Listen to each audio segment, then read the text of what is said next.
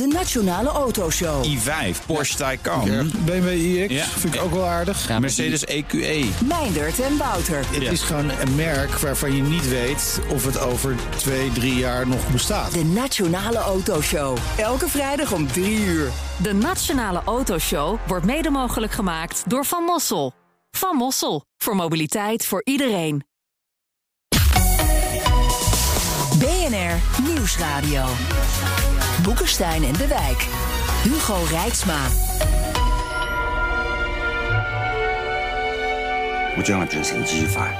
Het goede overwint in Cold War II, een draak van een Chinese actiefilm. En het goede zal opnieuw zegenvieren op de Amerikaanse oorlogsretoriek, reageerde China nadat de NAVO het land na Rusland en klimaatverandering als tegenstander had toegevoegd. China's growing influence and international policies present challenges to alliance security. En zoals in Cold War schijnbaar iedereen ruziet met iedereen, zo hoopt China op verdeeldheid in het Westen door de positie van Europa. The US and the European Union have different interests. They will not tie themselves to the anti-China war chariot of the United States. Welkom bij Boekestein en de Wijk, op zoek naar de nieuwe wereldorde. Met in de studio de als altijd strategisch autonome Arend Jan Boekestein en Rob de Wijk. Onze gast is diplomatiek analist en adviseur... en eerder als journalist nierenproever van machthebbers Robert van der Roer. Welkom. Goedemiddag. Robert, in het NAVO-communiqué deze week heet eh, Rusland een dreiging... klimaatverandering een threat multiplier... en China alleen maar een challenge, een uitdaging. Valt het dus wel mee met China of is dat iets diplomatieks? Nee, het valt niet mee, want nadat China eind 2019 voor de eerste keer genoemd werd in een slotverklaring toen van de NAVO-top in Londen, wordt China nu eh, tien keer genoemd in drie paragrafen. En eh, kijk, die- zo'n NAVO-communiqué, dat is eigenlijk een, een set van afspraken. Een soort bijbeltje na zo'n meeting waarin de leiders, en daar wordt dan dagenlang over touw getrokken, met elkaar dingen afspreken. En daar zit wel degelijk een, eh, een, een serieuze opschaling in. En ehm, de diplomaten die ik, eh, leiders die ik de afgelopen dagen gesproken heb hierover, die zeiden ja, weet je, wij eh, staan eigenlijk op een, op een kantelpunt, op een draaipunt. De NAVO heeft zich eerder aangepast de afgelopen 72 jaar op momenten na de Koude Oorlog, tijdens en na de Balkanoorlogen, na 9-11, na de inname van de Krim door Rusland. En nu is er weer zo'n moment dat we eh, serieuze stappen gaan zetten. Nou, dat is ten aanzien van China gebeurd. En daar is ook, ehm, ja, daar zijn nog eh, flankerend ook nog een aantal maatregelen genomen, zoals de verhoging van drie budgetten civiel, militair en eh, infrastructureel. En daar wilden de Fransen, ja, die, die wilden dat niet. Die hebben daar ook dwars gelegen. En die hebben daar toch een, ja, een nederlaag moeten incasseren. Dus ehm, China staat prominenter op de agenda. Wat dit feitelijk betekent, is natuurlijk een ander verhaal. Van gaat de NAVO ook eh, acteren als er straks weer een eh, cyberhack is op een kritische infrastructuur van een van de NAVO-lidstaten?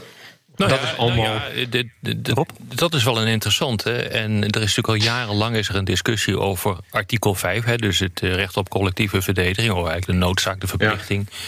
Om cyber erin te brengen. Nu ook eh, wordt er over gesproken met betrekking tot de ruimte.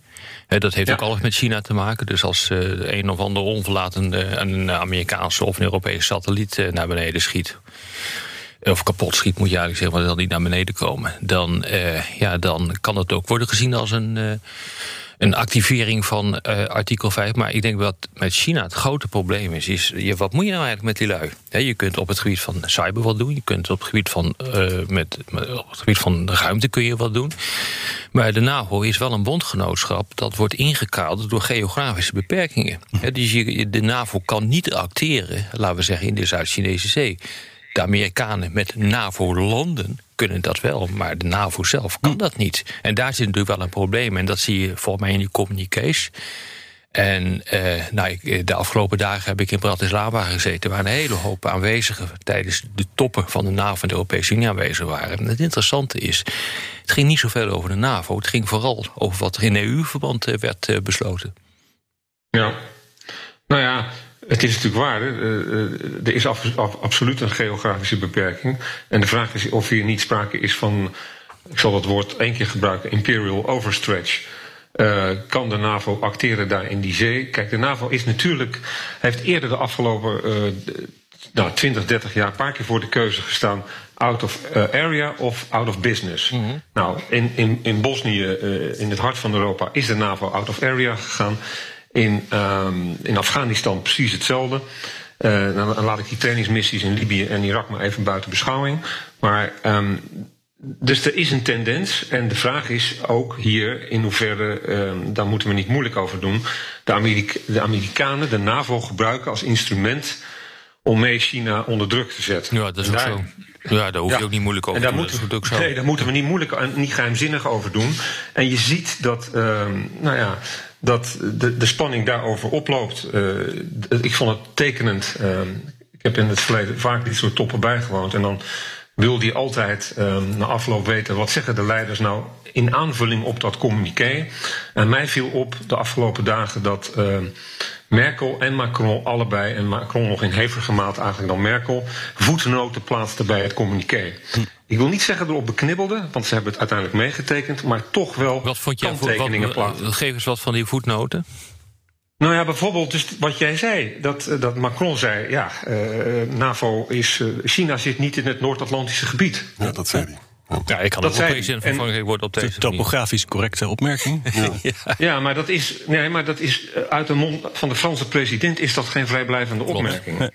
En daar gaat het om. Kijk, je moet leiders. eh, eh, ja, die moet je toch serieus nemen op een woord. En als, je, als daar toch een, eh, nou, ik zal niet zeggen een voet tussen de deur wordt geplaatst, maar toch een opening wordt gecreëerd naar een eigen weg. Maar kijk, En Merkel? Die- Merkel, wat, wat vond je daarvan? nou Merkel, Merkel vond ik heel opmerkelijk, die zei ook weer: we moeten wel evenwichtig blijven. Ja. Ja. En eh, dan hoor je natuurlijk gelijk alweer de, ja, de, de, de geldpersen eh, op de achtergrond meedraaien. Het gaat hier om de economische belangen van, Chi- van Duitsland in China. En die zijn gigantisch. En daar, daar werd ook niet moeilijk over gedaan, eigenlijk. eh, ook door Duitse diplomaten niet. Maar zij zei het ook. En in plaats van dus dat er eh, anders dan Stoltenberg. eh, en andere leiders met tromgeroffel werd ja, verteld over China is een, is een challenge. Begonnen zij dus toch met als het ware kleine lettertjes toe te voegen. Zo van: we hebben wel meegetekend, maar ho ho jongens, niet snel. Ja, is, is uh, John, met die verschillende geluiden tussen de VS en Europa, die verdeeldheid waar China op hoopt, eigenlijk niet gewoon al een feit? Nou, je zou kunnen zeggen, kijk, het is heel duidelijk. Hè, wij praten er vaak over. Duitsland heeft gigantische belangen in China en wil uh, niet een confrontationele koers uh, doen, dat Amerika het wel wil. Nou, de afgelopen maanden zie je dat de afstand tussen Europa en Amerika wat kleiner is geworden. En ook deze top, hè, Robert zegt het goed. Macron zei in het begin nog van ja, dat is allemaal buiten het NAVO-gebied. Maar het is toch eensgezinder dan ik heb gedacht eigenlijk. Nou, weet je, ik hoorde ook een functionaris, een onderminister, Amerikaan, die ook in Genève aanwezig was en die vertelde van we zijn ons echt kapot geschrokken over de impact die China bijvoorbeeld in Europa heeft en hoe er gebruik is gemaakt van Trump. Niet alleen in Europa, maar ook elders in de wereld. De deuren die zijn gewoon opengezet. We zijn echt ons kapot geschrokken. En grappig genoeg uh, zeiden ze ook van... wij kunnen ons heel goed voorstellen dat de relatie tussen Europa en Amerika... nooit meer wordt zoals die was. Ja. En ze noemen twee dingen. De, kla de klap die Trump heeft veroorzaakt... Het enorme wantrouwen dat daardoor is ontstaan. Maar ook de leeftijd van Biden. Hm. Uh, je weet gewoon niet wat er over drie, vier jaar weer gaat gebeuren in dat, uh, in dat land. En uh, dat ziet men in de Verenigde Staten. En dat vond ik wel opmerkelijk. Dus je hebt helemaal gelijk. Ja. Dat inderdaad men naartoe, naar elkaar toe is gegaan. Maar het is wel heel voorzichtig. En ik merk dat ook. Ik heb echt een, een stuk of vijf, zes staatshoofden, regeringsleiders gesproken. die ook daar bij die toppen waren afgelopen, afgelopen dagen. En ik heb zo gehoord. En die hadden ook allemaal hetzelfde. Dat was niet een volledige omarming. Terwijl als je naar, het midden, uh, naar Midden-Europa gaat, naar Oost-Europa... ik bedoel, dat zijn allemaal Amerika-knuffelaars... in verband met, uh, met Rusland. En dat was gewoon niet zo. Hè? Ja. En Europa is natuurlijk bang dat de Republikeinse partij uh, toch weer terugkomt... Hè, door ja. al die akeligheid. Ja, ja, zeker. Nou, het is, ik zie toch wel... uh, mag ik dan toch ergens tussen jullie in gaan zitten? Allebei. Ik zie, ik zie toch wel een eerste, eerste stappen van een soort van hereniging. Ik zeg het voorzichtig... Mm. Uh, er, was, er is, vergeet niet, de Amerikaanse, uh, het Amerikaanse leiderschap is terug echt in het hart van Europa. Blinken is voortdurend in Brussel, minister van Buitenlandse Zaken. En ehm, je voelt gewoon, de, ja, ik zou bijna zeggen, de bellenbaan van de torpedo aankomen. Er komt gewoon Amerikaans leiderschap op Europa af. En daar, daar kunnen de Fransen, die natuurlijk een klassieke reflex hebben. Uh, om, uh, ja, ze, ze, zijn langer buiten de NAVO geweest dan erin, om het zo maar te zeggen. Uh, die, hebben, de, de, die hebben toch een neiging om zich te verzetten tegen Amerikaanse hegemonie. Dat hebben ze mm -hmm. zowel bij de EU als, de, als bij de Klopt. NAVO in de, in de run-up naar die beide toppen gedaan. Maar ik, uh, ik, ik heb een aantal diplomaten van, van, ja, van gesproken, ook, ook Nederlanders. En die zeiden: ja, dit was gewoon weer geweldig om weer Amerikaans leiderschap te hebben. En er, was, er, was, er werden geen premiers. Uh, zoals die van Montenegro opzij geduwd door de president van Amerika. Uh, er, werd, er werd niet de, de, de bondskanselier van Duitsland voor loser uitgemaakt. De Europese Unie werd niet voor een security threat uitgemaakt of een uh, rivaal. Er was gewoon weer open en normaal contact. Dat je het niet over Rusland en China eens bent. En over staal en nog aluminium en nog wat openstaande dossiers. Dat is duidelijk. Maar het, het, de multilaterale orde was weer actief de afgelopen dagen. En dat is na vier jaar gekte. Iets anders kan ik het ook niet noemen. Uh, de multilaterale orde was weer in werking. Ja. BNR Nieuwsradio. Boekenstein en de Wijk.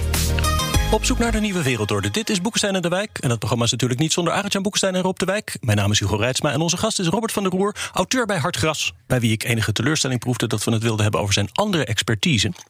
Maar na de 3-0 nederlaag tegen België en overwinning met 1-0 tegen Finland... is het tijd om de score van Rusland tegen de VS te bezien.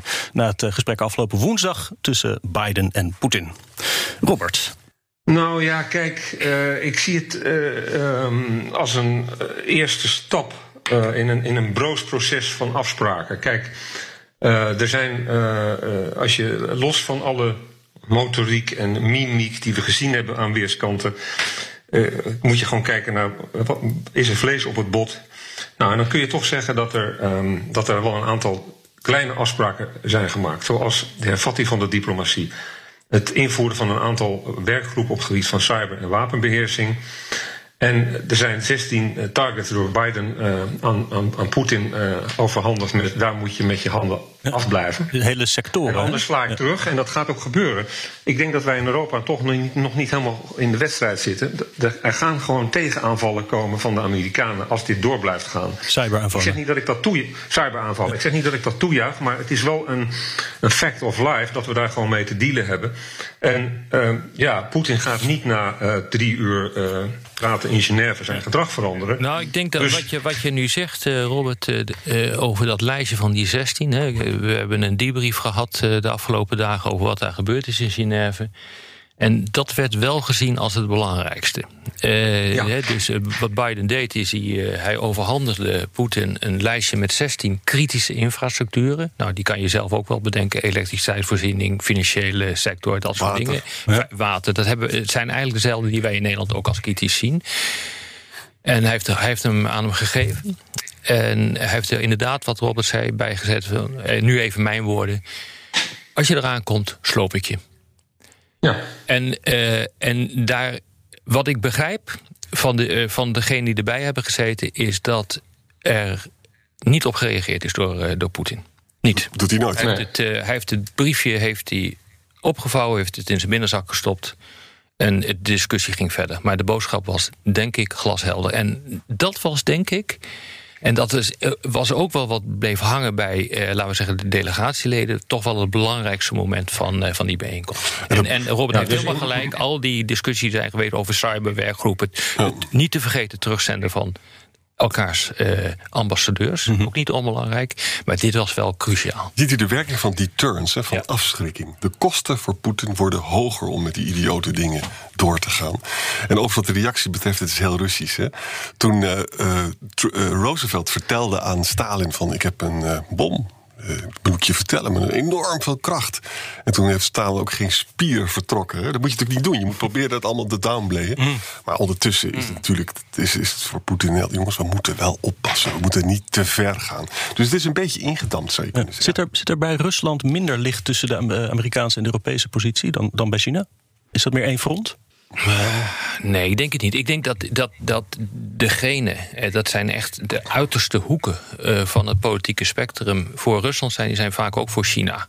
Dat zijn vaak populistische partijen, dat zijn radicaal rechtse, radicaal linkse partijen. Partijen die niet zoveel op hebben met het. Met, het, ja, met de democratie zoals we die hebben. in, in West-Europa is dat pakweg 20% van, van de partijen, ook van de bevolking die wel sympathie heeft. Duitsland is het iets meer. Ehm, interessant genoeg, Oost-Europa speelt het veel minder een rol dan je denkt. Dus net een opiniepeiling uitgekomen over de Oost-Europese landen. Ja. Daar kwam niet uit dat uh, Rusland en China daar op het schild werden geheven. Wat daar wel uitkwam, is dat de meerderheid ontvankelijk is voor complottheorieën. En niks meer ziet in de democratie. Uh, en dat is wel echt een groot probleem. Ja, om, om toch nog even antwoord te geven op je vraag, Hugo. Als je dus in, als je echt een, een uitslag wil hebben, nou, dan zal ik. Ja, dan, dat, dat is natuurlijk misschien een beetje goedkoop. Maar dan denk ik toch dat het. Vanuit diplomatiek oogpunt uh, zou ik toch willen zeggen 2-1 voor Biden. Omdat hmm. hij. Kijk, hij heeft toch Poetin meegelokt in een proces. Want hij zegt, we gaan een strategische dialoog beginnen... en we zullen wel zien waar, dat in eindigt. Nou, en daar, daar heeft, geeft hij niet al te veel tijd. Hij sprak over maanden. Dus uh, ja, je zou kunnen zeggen... Uh, het maximaal op dit moment uh, is een beter gemanagede confrontatie. Een soort stabilisering is al winst. Om, zeg, om, om zeg maar die neerwaartse spiraal te stoppen. En als Poetin niet levert ja, en, en door blijft gaan met de, het hele palet van bestaande praktijken, dan gaan de Amerikanen daarop acteren. En, ja, en dan zal ook Europa ook nog uh, voor, voor, keuzes komen te staan. Hm. Want vergeet niet, we hebben, in Europa hebben we nog uh, meegemaakt de afgelopen uh, eerste week van februari dat de chef buitenland Borrell gevierendeeld en, ge en gekielhaald werd. Weer, levend werd opgegeten door de, door de diplomatieke krokodil Sergei Lavrov in Moskou. Nou, daar heeft hij nu nog last van. Hij is nu bezig, en daar moet hij volgende week ook uh, op, op, gaan leveren, Borrell, op de EU-top uh, samen met van der Leyen een document afleveren voor een nieuwe strategische relatie met Rusland. Ja, en als dat, ja. als dat uh, slappe thee wordt, dan heeft Borrell een nieuw probleem. Ja. Er is, nog, dus, een, um, er is nog een tweede punt, ja. Robert, waar, waar Biden denk ik gewonnen heeft. En dat is het volgende punt. Dat vind ik echt heel interessant. Toen, als je een historische parallel maakt, toen in 1949 of, of 47, 48 de Marshallhulp werd aangekondigd, toen wonnen de Amerikanen eigenlijk al de internationale PR-wedstrijd. Want ze boden gewoon hulp aan heel veel landen aan en staan en verboden voor Oost-Europa. Nou, nu zag je dus Biden staan en die zei daarvan: uh, luister eens. Uh, wij in Amerika, wij geloven dat mensen aangeboren rechten hebben. Wij geloven in mensenrechten, we geloven in vrijheid. Nou, het verhaal van Poetin daartegenover, hè, van het, al die whataboutisms, hè, dat die ja. dat vergelijking gaan maken dat niet klopt, dat is niet sterk. Uiteindelijk, het gaat in de, in de buitenlandspolitiek niet alleen om macht, maar het gaat ook om de kracht van ideeën.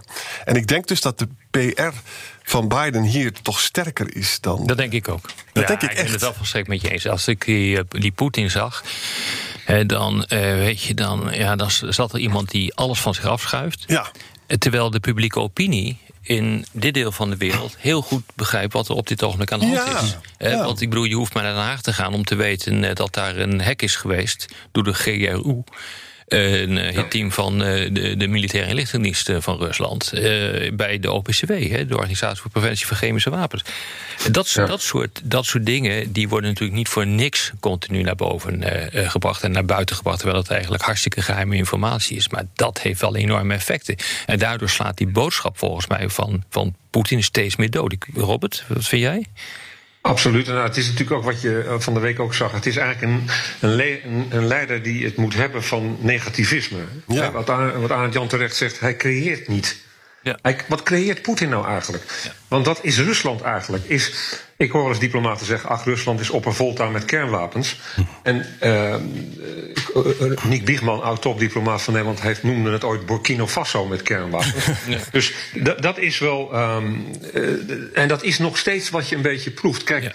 Uh, het is niet een, een, Rusland is natuurlijk, um, ja, als je kijkt naar, naar zo'n Geneefse top, dan denk je, nou, dat is een wereldmacht. Maar als je kijkt naar de economie en wat Rusland verder te, uh, doet op het wereldtoneel, dat is bitter weinig.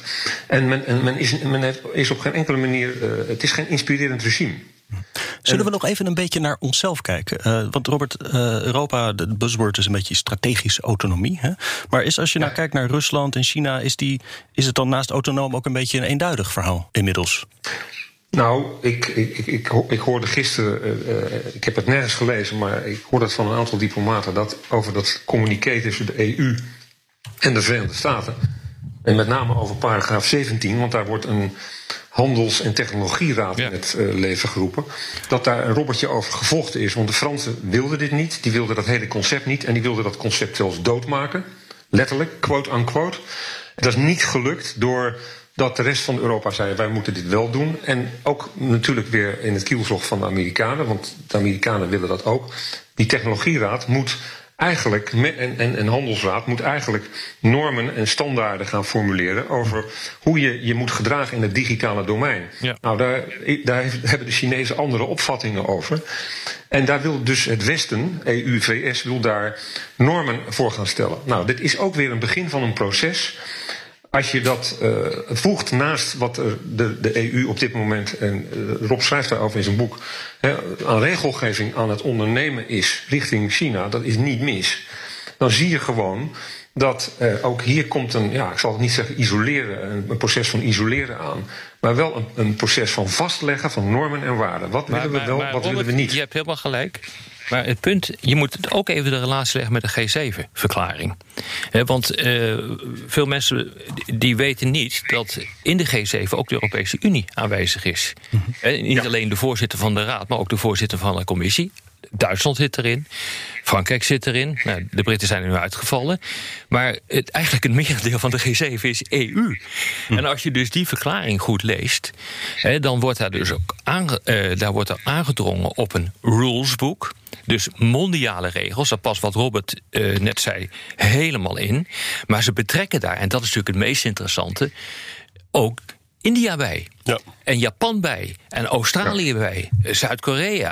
Als je het snel uitrekent, daar, daar, zitten de vertegenwoordigers van 2 miljard mensen van het meest welvarende deel van de wereld. Slecht nieuws voor China, hè? Wat is dat standaard. is ontzettend slecht nieuws voor, uh, voor China. China. Maar tegelijkertijd, en dat heeft denk ik Robert ook al in het begin gezegd. En wat absoluut waar is, de grote vraag is. Uh, wat er nou gaat gebeuren met die confrontatie met dat specifieke beeld wat wij Europeanen hebben, dan van toch een beetje pappen en nat houden, uh, niet al te harde machtspolitiek, wat mm -hmm. Biden aan het doen is.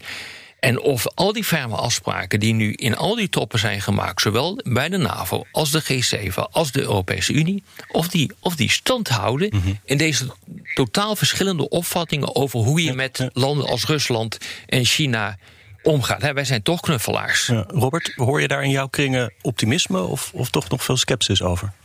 Nou, ik hoor, ik hoor wel dat de, de, de, we hebben te maken met een geopolitieke uh, Europese Commissie. En daar hoort, je ziet ook, en ik, ik merk dat ook, dat ook Nederland zelf geopolitieker aan het worden is. Ja. En uh, misschien niet, op, niet altijd even effectief. Hè. We geven ook resoluties af. Of, ja, hoe zeg je dat? De, uh, ten aanzien van China en Rusland hebben we nu te maken met het Kamerlid Sjoerdsma, die nooit meer minister van Buitenlandse Zaken kan worden. Capabele diplomaat, maar die staat in twee landen op de zwarte lijst. Dat, dat komt ook omdat we, ja, Den Haag toch ook nog even het vingertje gewezen heeft naar die beide hoofdsteden. Het blijft natuurlijk altijd wel ook een punt van effectiviteit. Hè? Hoe ga je om met je, met je goede oordelen, met je goede standpunten? En als je die alleen maar de, de mensenrechtenkaart speelt en de rest, uh, ja eigenlijk ver, ja, dan, dan ben je out of business, ben je niet in gesprek. En daar, daar vind ik het, dat is voor mij het, als je het hebt over een wereldorde, vind ik het interessantste, hoe gaat het Westen om met de mensenrechten in combinatie met de economische betrekkingen. En dat blijft zowel ten aanzien van Rusland, maar met name ten aanzien van China het grote dilemma. Hoe krijg je een compleet beleid met conflicterende belangen geïntegreerd? Op de radio ronden we af, maar in de podcast gaan we door met luisteraarsvragen. Luistert u op de radio, dan verwijs ik naar Apple Podcasts, Spotify of boekensteinendewijk.nl.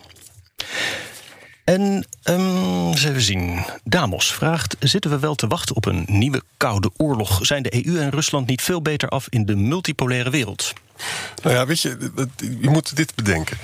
Uh, Jaap de Hoop Scheffer zei vorige week heel terecht dat uh, Biden ook bezig is om die Russisch-Chinese band wat losser te maken. En daardoor is hij ook. Hij is heel ferm geweest naar Rusland, maar niet te ferm. Hè. Het is ook een invitatie van als je nou een beetje gaat gedragen, dan kunnen we ook uh, zaken doen. Want het is natuurlijk niet in westers belang dat Rusland erg dicht bij China zit. Ja, en een multipolaire wereld per definitie is een wereld van conflicten. Dat zijn namelijk meerdere polen die tegenover elkaar staan. Een bipolaire wereld is ook een wereld van conflict. Alleen een unipolaire wereld, zoals we die eigenlijk hebben gehad eh, na de ineenstorting van eh, de Sovjet-Unie. Daar komt grootmachtspolitiek niet voor, omdat er geen grootmacht is om bijvoorbeeld Amerika uit te dagen. Dus op het moment dat je meerdere grootmachten hebt, dan krijg je gewoon shit in de wereld. Dat zijn, weet je, daarom is ook voorspellen wat er gaat gebeuren niet zo ingewikkeld. Hè. Mensen roepen iedere keer: je kunt niet voorspellen. Je kunt niet precies voorspellen welk evenement op welk tijdstip plaatsvinden. Maar de gevolgen van klimaatverandering zijn wel duidelijk. Dus de gevolgen van geopolitieke veranderingen zijn gewoon duidelijk. Dat levert gewoon gedoe op, dat levert shit op. En dat is precies wat we nu zien. Ja, een Europese topdiplomaat zei gisteren tegen mij... kijk, uh, en die was bij, die, uh, bij al die toppen aanwezig... die zei, ja, het is duidelijk, de Amerikanen willen nummer één blijven. Dit, gaat, dit is een gevecht om de hegemonie. Wij als Europa hoeven niet nummer één te zijn. Uh, dat, dat zijn we ook niet. En uh, ja, de Amerikanen zien uh, de EU als een, als een middel tot samenwerking versus China. Nou, ik kijk, denk dat. En... Kijk, ik hoor dat ook vaak, hè, maar ik vind dat. Wat zo'n diplomaat zegt, ik hoor dat ook vaak, ook van ministers hoor ik dat. Maar dat is het hele punt niet. Amerika is te klein per definitie om in dit spel overeind te blijven tegen, uh, tegen China. Dat kan gewoon niet. Ik oh, bedoel, zeker. Ze hebben een miljard zeker. mensen meer. Als dat een beetje op stoom komt, en het komt al redelijk op stoom, als het nog harder op stoom komt, is Amerika weg. De enige manier waarop je dit kunt doen, waarop je je belangen kunt beschermen, is samenwerken met Europa. Is samenwerken met de landen in de Indo-Pacific. Zo'n G7 is cruciaal hier. En dat is, dat is wat je moet doen. En dat, dat betekent dat er geen Amerikaans leiderschap is, maar daar is er co-leiderschap. Want op het gebied van geo-economie is Europa verreweg Amerika de baas. En dat als je het, G7, ja.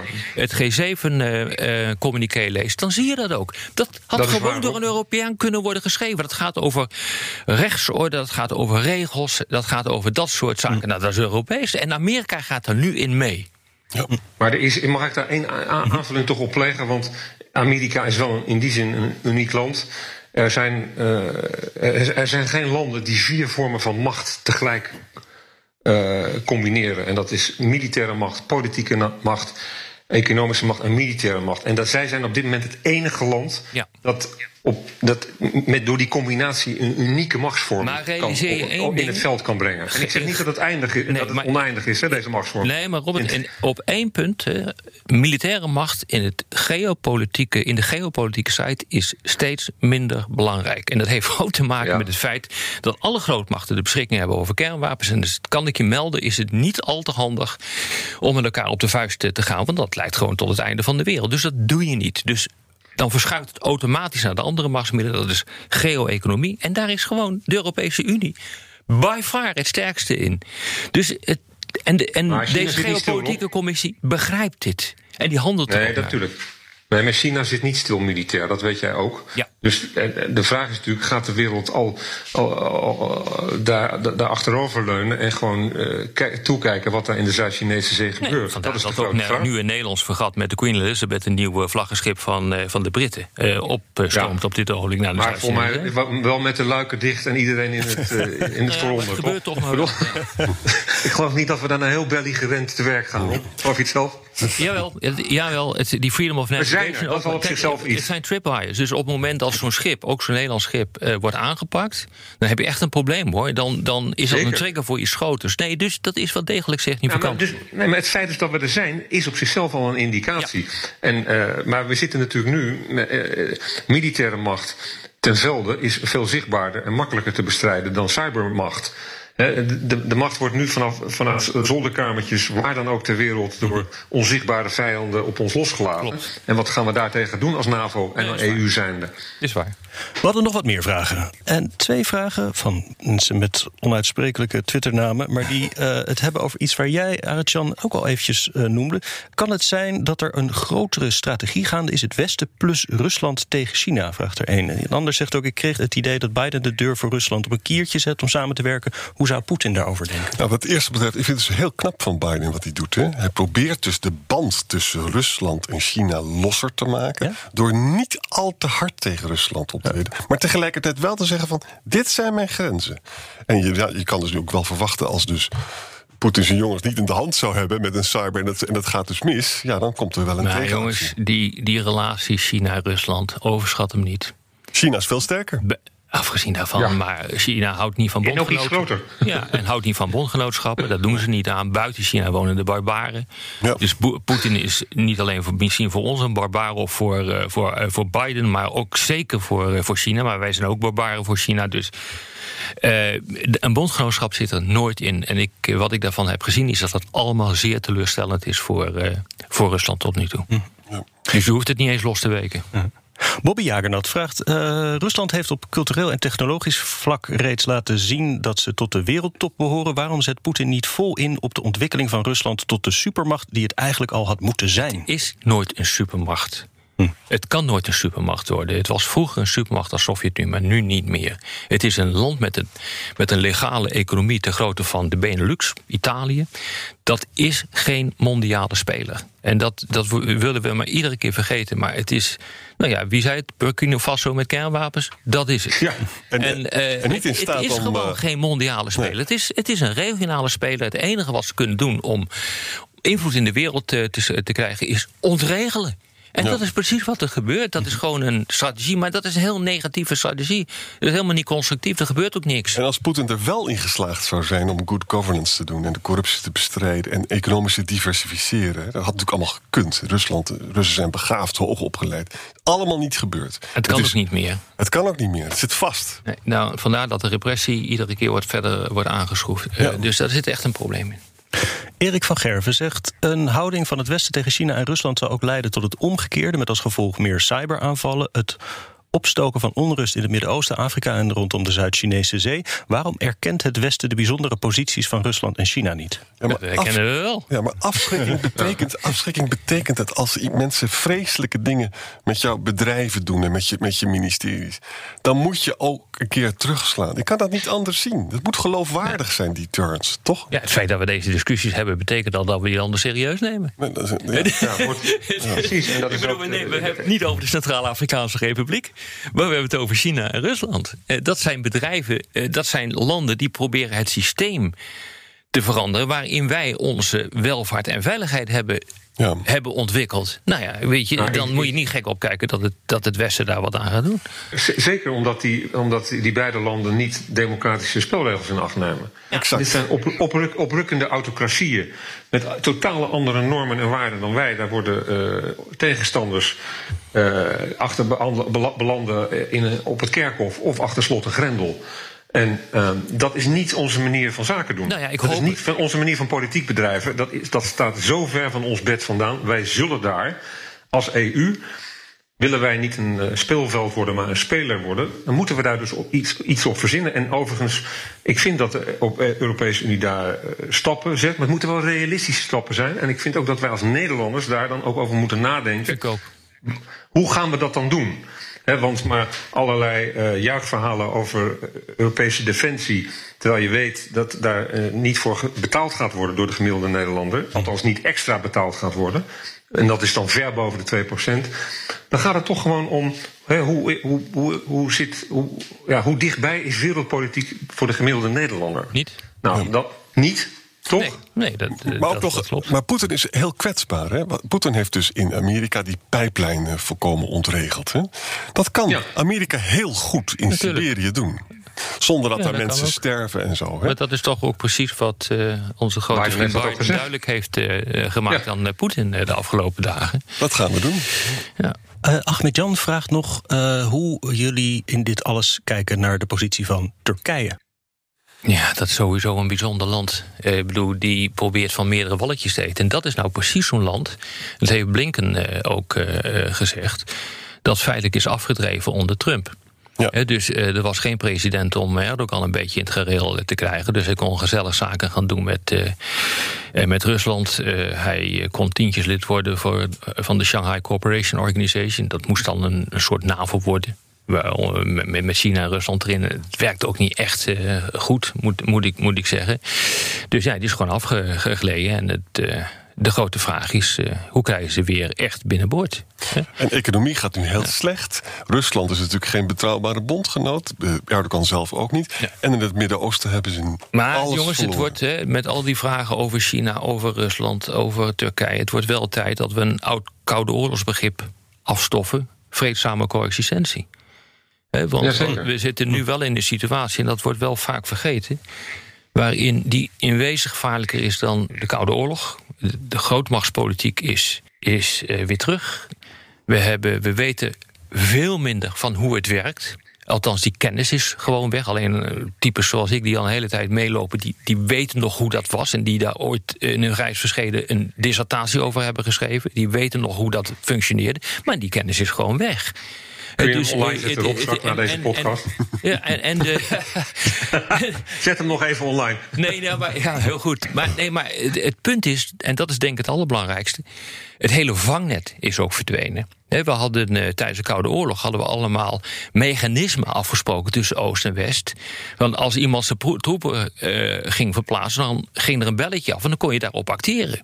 En dan had je meldingsplicht. Dat is allemaal verdwenen. Ja, het bestaat nog wel, maar het wordt niet meer gebruikt. En dat soort dingen, dat is echt wel heel erg, eh, heel erg cruciaal. Wat, wat ik interessant in deze vind, is dat Biden heeft het al langer het, het voornemen om een, een top voor democratieën te beleggen.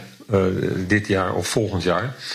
En eh, ja, om zeg maar zo de Bolsonaro's en Erdogans en Poetins en Xi als het ware uit, te zonderen. Hij heeft in Ja. 2016 in eh, Canada tijdens zijn laatste reis, buitenlandse reis, heeft dat eh, idee gelanceerd. Ja. Twee jaar later Maar is er een. daarna is natuurlijk wel het een en ander gebeurd hè, met Trump in eigen land. Zeker, Dus zeker, zeker. Hij, hij Ja. probeert nu gewoon dat idee meer tractie te geven. En wat ik interessant vind is om te kijken wie daar wel of niet een uitnodiging voor Nou krijgen. ja, En- er is natuurlijk een alliantie voor multilateralisme. En eh, dat is feitelijk hetzelfde. En dat is eigenlijk ook ontstaan vanuit het idee van, eh, van Biden. Maar er zit ook bijvoorbeeld Mexico eh, in. Ja, de vraag is natuurlijk hoe handig dat is. Maar wat je dus eigenlijk wil is democratie. Nee, ja, je wil gewoon een club van gelijkgestelde landen hebben. G7 is dan een perfect voorbeeld van. Nu we terug, weer, eh, terug zijn in Koude Oorlogstermen, denk ik nog even de vraag van Johnny3000. Speciaal voor Rob. Hij vraagt: De laatste weken is Rob zo vreselijk positief. Wat zou nu de kortste weg naar een wereldoorlog zijn? Nou ja, dat is een miscalculatie. Eigenlijk zijn we in die zin terug naar eh, de. eh, bij- bij, bij de Koude Oorlog. Eh, miscalculaties zijn feitelijk de, de belangrijkste aanleiding, denk ik, geworden voor een oorlog. Niemand wil een oorlog, omdat er kernwapens bij in het geding zijn. Maar realiseer je dat het vele malen is gebeurd tijdens eh, de Koude Oorlog. Dat we op de rand van een kernwapenoorlog hebben eh, gestaan. In de jaren tachtig hebben we dat nog meegemaakt. Gewoon eh, dat men dacht dat een NAVO-oefening een echte aanval was met kernwapens. En dat het hele apparaat in, in werking werd gesteld. Waarna een gisteren kolonel zei van nou, aan Russische kant van laten we dat maar niet doen. Dus, maar dat soort dingen, dat vind, ik het, dat vind ik het meest eng. En wat er absoluut moet, eh, moet gebeuren. En eh, ik, ik sta nu op punt om naar Rusland toe te gaan, eerlijk gezegd. En daarover wordt volgende week ook eh, Als gesproken. je maar terugkomt, Rob. Ja, dat is. Want je bent zo kritisch over Poetin. ja, nou ja, ze, ik mag er wel in. Dus misschien mag er niet meer uit. Maar, nee, maar de, de, de grote vraag is inderdaad... hoe creëer je nu mechanismen... waardoor zeg maar, dit, soort, dit soort gedoe, dit soort miscalculaties... eigenlijk niet meer kunnen plaatsvinden. En eh, ik ben heel benieuwd wat, daar, eh, wat eruit gaat komen. Ik denk ook dat de Chinezen. eh, er wordt inderdaad veel gezegd. Ook, in het, ook door Nederlandse diplomaten. Hè, we willen, niemand wil een nieuwe Koude Oorlog, ook niet met China. En de vraag is toch: gaat China eh, door op, op, op ditzelfde pad? Of gaan ze zien van hé, hey, er, komt, er komt een vorm van tegenmacht uit het Westen. En dat heeft vroeg of laat ook ja, consequenties voor onze standing. Van zowel economisch, diplomatiek, militair als you name it. En gaan ze daar eh, lessen uit leren? Als, Poetin leert heel weinig lessen. Die gaat maar, de- maar door. Is Xi uit hetzelfde hout gesneden of Ja. kiest hij voor een andere aanpak? vraag. Dat vind ik Ja. interessant. Ja, zeker. Dit was weer Boekenstein en de Wijk. Namens Arjan Boekenstein en Rob de Wijk zeg ik dank voor het luisteren. Robert van der Roer meldde ons de voorlopige uitslag tussen Amerika en Rusland. 2-1. Waarvoor dank. en tot volgende week. BNR Headlines. De hele dag binnen- en buitenlandse politiek. In Nederland hebben we geen munitiefabrieken. De hele dag economie. Vijf dagen in de week bezorgen, dat kan niet uit. De hele dag technologie. Amerikanen weer op de maan. Heb je eigenlijk geen tijd, maar wil je toch op de hoogte blijven? BNR Headlines. Het laatste nieuws, maar dan in het kort. Ga naar je podcast-app en abonneer je op BNR Headlines.